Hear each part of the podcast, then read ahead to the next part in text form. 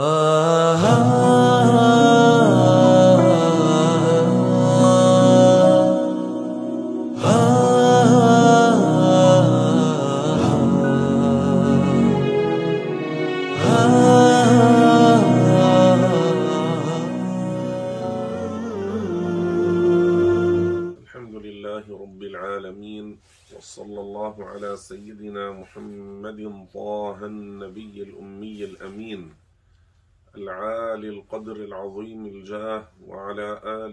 وصحبه ومن والاه. وأشهد أن لا إله إلا الله وحده لا شريك له. وأشهد أن محمدا عبده ورسوله وصفيه وحبيبه وخليله صلى الله عليه وسلم وشرف وكرم وبارك وعظم. وعلى جميع إخوانه من النبيين والمرسلين. ورضي الله عن كل الأولياء والصالحين. أما بعد إخواني وأخواتي في الله رزقكم الله رؤية ليلة القدر وأعاننا وإياكم على الطاعات والعبادات وأكرمنا وإياكم برؤية سيد المخلوقين وسيد العالمين محمد صلى الله عليه وسلم. كنا تحدثنا معكم في المجلس السابق عن تعريف الولي وبينا ما هي شروط الولاية. والولي له كرامات. هذه الكرامات تكون خارقة للعادة. الله يعطيه هذه الكرامات التي عادة لا تحصل مع الناس. عادة لا تقع للإنسان إنما هي خارقة للعادة وهو لا يدعي النبوة حاشا لأنه لو ادعاها لصار كافرا. إنما خرق للعادة لهذا الولي بقدرة الله لتكون هذه الكرامة دالة على صدقه في اتباعه للنبي صلى الله عليه وسلم. فكرامات الأولياء معجزة للنبي صلى الله عليه وسلم لأن هذه الكرامات حصلت بسبب اتباع هذا الولي للنبي صلى الله عليه وسلم.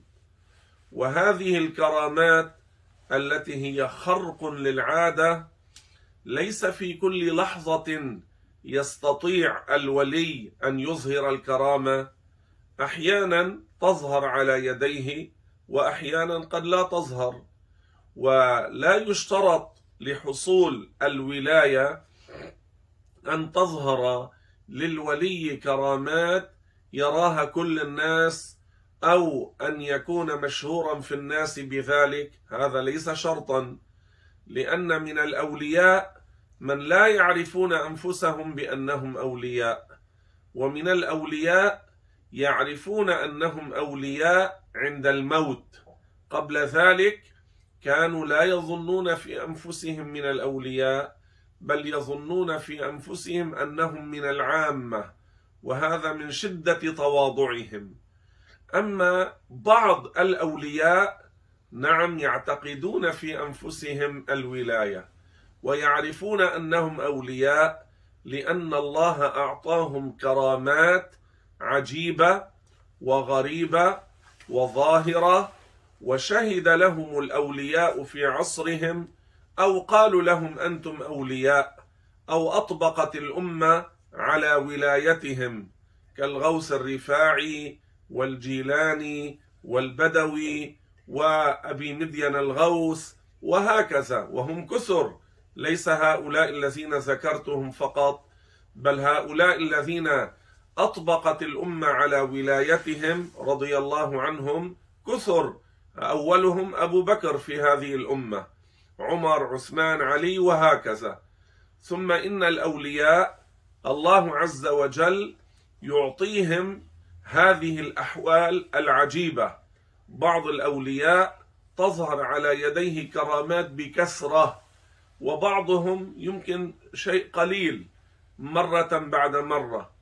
ومن ما يستدل به ومما يستدل به على الكرامات وعلى وجود الأولياء القرآن العظيم الذي هو أول مصدر من مصادر التشريع الإسلامي وهو الدليل القاطع. فالقرآن الكريم أثبت وجود الأولياء وأثبت كرامات الأولياء.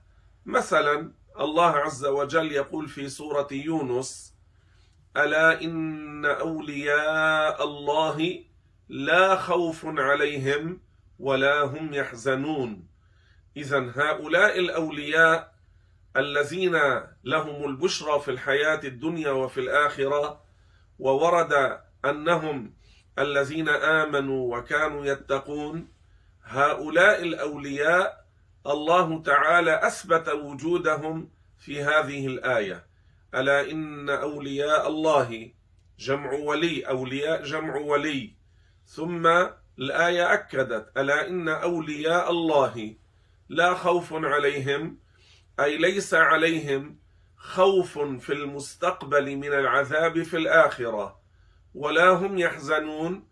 بعد مفارقتهم الدنيا لا يحزنون عليها ولا على ما فات منها. لهم البشرى في الحياة الدنيا وفي الآخرة. هؤلاء لهم البشرى. الله تعالى أكد لهم البشرى في الدنيا وفي الآخرة. الذين آمنوا وكانوا يتقون. هذا شرط الولاية. ومن الآيات التي تدل على وجود الأولياء أيضا هذه الآية. إن الذين قالوا ربنا الله ثم استقاموا. أليس قلنا فيما سبق؟ قال الغوث الرفاعي رضي الله عنه الاستقامة عين الكرامة. ولاحظوا ماذا قالت الآية؟ الله عز وجل يقول في هذه الآية إن الذين قالوا ربنا الله ثم استقاموا تتنزل عليهم الملائكة الا تخافوا ولا تحزنوا وأبشروا بالجنة التي كنتم توعدون. هذا أيضا دليل قرآني على وجود الأولياء وأنهم عند الموت يعني قبل أن يخرجوا من الدنيا عند الموت تحضرهم ملائكة الرحمة وملائكة الرحمة وجوههم كالشموس يقعدون منهم وحولهم على مدى. يراهم هذا الولي فيمتلئ فرحا وجوههم تكون مضيئة. إذا رآهم يفرح يعرف أن هذه الوجوه وجوه خير جاءته بالبشرى. فيمتلئ سرورا ويمتلئ انسا وفرحا بهم. ثم يأتي عزرائيل فيسلم عليه. ويقول له السلام عليك يا ولي الله. وأحيانا قد يقعد حول هذا الولي الذي هو من أولياء البشر خمسمائة ملك من ملائكة الرحمة. فإذا انظروا الملائكة يأتونه يحضرونه عند الوفاة تتنزل عليهم الملائكة. ألا تخافوا ولا تحزنوا. وأبشروا بالجنة التي كنتم توعدون. ومن الآيات التي تثبت وجود الأولياء وتدل على وجود الأولياء وعلى الكرامات وخرق العادات. هذه الآية من سورة النمل في قصة آصف ابن برخية. هو هو صديق سليمان. سليمان النبي عليه الصلاة والسلام. وآصف كان من أولياء البشر كان تابعا لسليمان وكان يعمل بتعاليم الإسلام كان مسلما مؤمنا وليا صالحا تقيا وكان عالما يعني جمع بين العلم والولاية. بعض الأولياء يكون تعلم الفرض العيني أدى الواجبات اجتنب المحرمات أكثر من النوافل صار وليا. لكنه لم يكن متبحرا في العلوم لم يكن وصل إلى مستوى مفتي وقاضي ومجتهد ها وإمام في العلم لا إنما تعلم الفرض العيني أدى الواجبات اجتنب المحرمات أكثر من النوافل صار وليا وبعضهم قد يكون متبحرا حصل الفرض العيني والفرض الكفائي يعني أكثر من الفرض العيني زيادة عليه وكان عالما كبيرا كشيخ شيخنا الشيخ محمد عبد السلام. هذا كان إماما في العلم كان يحفظ مكتبات ومجلدات ومؤلفات ويستحضرها. كان إماما في العلم رضي الله عنه وكان من كبار أولياء الله تعالى. كان من كبار أولياء الله. جده بشر به قبل أن يولد. جده الشيخ خليل بشر به أنه سيولد له حفيد وطلع عالما. طلع عالما كبيرا. مرة وقف على مكتبة كبيرة فيها مخطوطات ومطبوعات. قال كل هذا على طرف لساني. هذا الشيخ محمد عبد السلام كان شابا صغيرا كان وصل إلى مراتب علية في الولاية. يعني كان رضي الله عنه جمع بين العلم وبين الولاية. شيخنا الشيخ عبد الله هذا الإمام الكبير رحمة الله عليه ورضي الله عنه وعن شيخه وشيخ شيخه وعن كل الأولياء وعن كل الصالحين حكى لنا ماذا قال؟ قال أنا في العلم لي مشايخ كثيرين. أما في السلوك فشيخ واحد هو محمد عبد السلام. هذا الذي هو في مدينة ديردوى وقد زرناه وأكرمنا الله تعالى بزيارته رضي الله عنه. كان وصل إلى مراتب علية في الولاية وكان شابا. كان جمع بين العلم وبين الولاية. بعض الأولياء يكونون بحورا في العلم كالإمام الشافعي. هل الإمام الشافعي إمام مجتهد علمه ملأ الدنيا كان من الصديقين في الولاية وكان إماما مجتهدا في العلم وعلمه ملأ الأرض. بل فيه فسر حديث الترمذي لا تسبوا قريشا فإن عالمها يملأ طباق الأرض علما. وفي رواية لهذا الحديث علما ونورا لاحظ ونورا. فإذا الإمام الشافعي من هؤلاء من الطبقة العليا الكبيرة يعني كم تكلمنا عن الشيخ محمد عبد السلام الشافعي أعلى بكثير. وأعلى من الشافعي أيضا الخليفة الراشد أمير المؤمنين عمر بن عبد العزيز رضي الله عنه وأرضاه. كان الخليفة الراشد وكان مجتهدا في العلم وكان وليا صديقا وكان يجتمع بالخضر يقظة وكان يجتمع بالخضر يقظة. اذا من الأولياء علماء كبار مراجع في العلم بحور وبعضهم ليسوا هكذا. إنما كما شرحنا في الحالة الأولى لكنه لا يصير وليا وهو جاهل. بأمور الدين هذا لا يصير.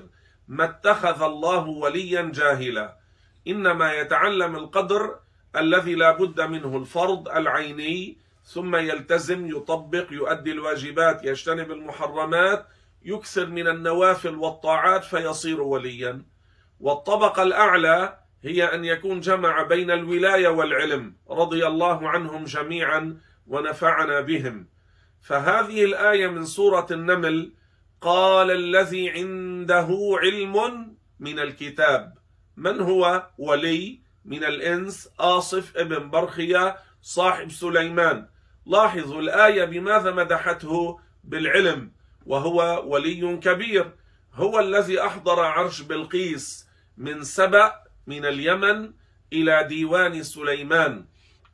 سليمان كان في ديوانه وديوان سليمان على بعض ما قاله عدد من المؤرخين كان في فلسطين وقال البعض كان في آه، تدمر كان في بادية تدمر من بلاد سوريا. فأين فلسطين أو تدمر من سبأ من أرض اليمن؟ مع ذلك سليمان عليه السلام وهو في ديوانه قال للذين عنده من الإنس والجن من منكم يحضر لي عرش بلقيس؟ أحد كبار الجن وهو عفريت كبير قوي. قال له أنا أحضر لك عرش بلقيس قبل أن ينتهي هذا المجلس. مجلس الحكم بين الناس. كان سليمان يقعد يقضي بين الإنس والإنس وبين الجن والجن وبين الإنس والجن. ومجلسه كان فيه ستمائة ألف كرسي. معناه قبل أن ينتهي مجلس الحكم بين الناس قبل أن تقوم وينفض هذا المجلس أكون أحضرت لك عرش بلقيس من سبأ إلى مجلسك. هذا من الذي عرض هذا العرض؟ هو الجني. قال عفريت من الجن. أما الذي فعله آصف الإنسي أقوى وأعظم وأكبر وأسرع ماذا عمل بلحظة خفيفة؟ ها؟ قال الذي عنده علم من الكتاب يعني آصف أنا آتيك به قبل أن يرتد إليك طرفك. يعني إذا أطلقت نظرك هكذا إلى آخر الديوان آخر المجلس ثم أرجعت نظرك بهذه اللحظة كان أحضر عرش بلقيس وكان عرشا كبيرا ضخما من الذهب الصافي الخالص وكان مرصعا بالدر والياقوت وكان ثقيلا جدا وكبيرا جدا وعليه سبعة أبواب. ما معنى عليه سبعة أبواب؟ يعني عليه جيش وحراسة مشددة وعليه سبع قاعات لها أبواب تغلق على هذا العرش. بهذه اللحظة كان أحضر عرش بلقيس إلى مجلس سليمان. قال هذا من فضل ربي. إذا هذا يدل على كرامات الأولياء. أيضا قصة أهل الكهف أيضا قصة مريم رضي الله عنها وما فيها من العجائب أنها حملت من غير زوج بقدرة الله تعالى. وقصة الرطب الذي صار يتساقط عليها من الشجرة التي كانت مقطوعة الرأس على قول بعض المفسرين وعلى قول بعضهم كانت جافة وليس فيها ثمر. في لحظة خفيفة أورقت اخضرت ثم صار فيها هذا الرطب وعملت هكذا عليها صارت تتساقط عليها وتأكل منها. وتعرفون النخلة طويلة كبيرة لو واحد هزها لا ينزل الرطب. هي امرأة ضعيفة صغيرة رضي الله عنها في السن عملت هكذا صار يتساقط عليها الرطب. والنهر الذي أجراه الله لها هذه كرامات في قصة مريم كثيرة. فالقرآن أثبت وجود الأولياء وأثبت كرامات الأولياء رضي الله عنهم ونفعنا بهم وأمدنا بمددهم والحمد لله رب العالمين. آه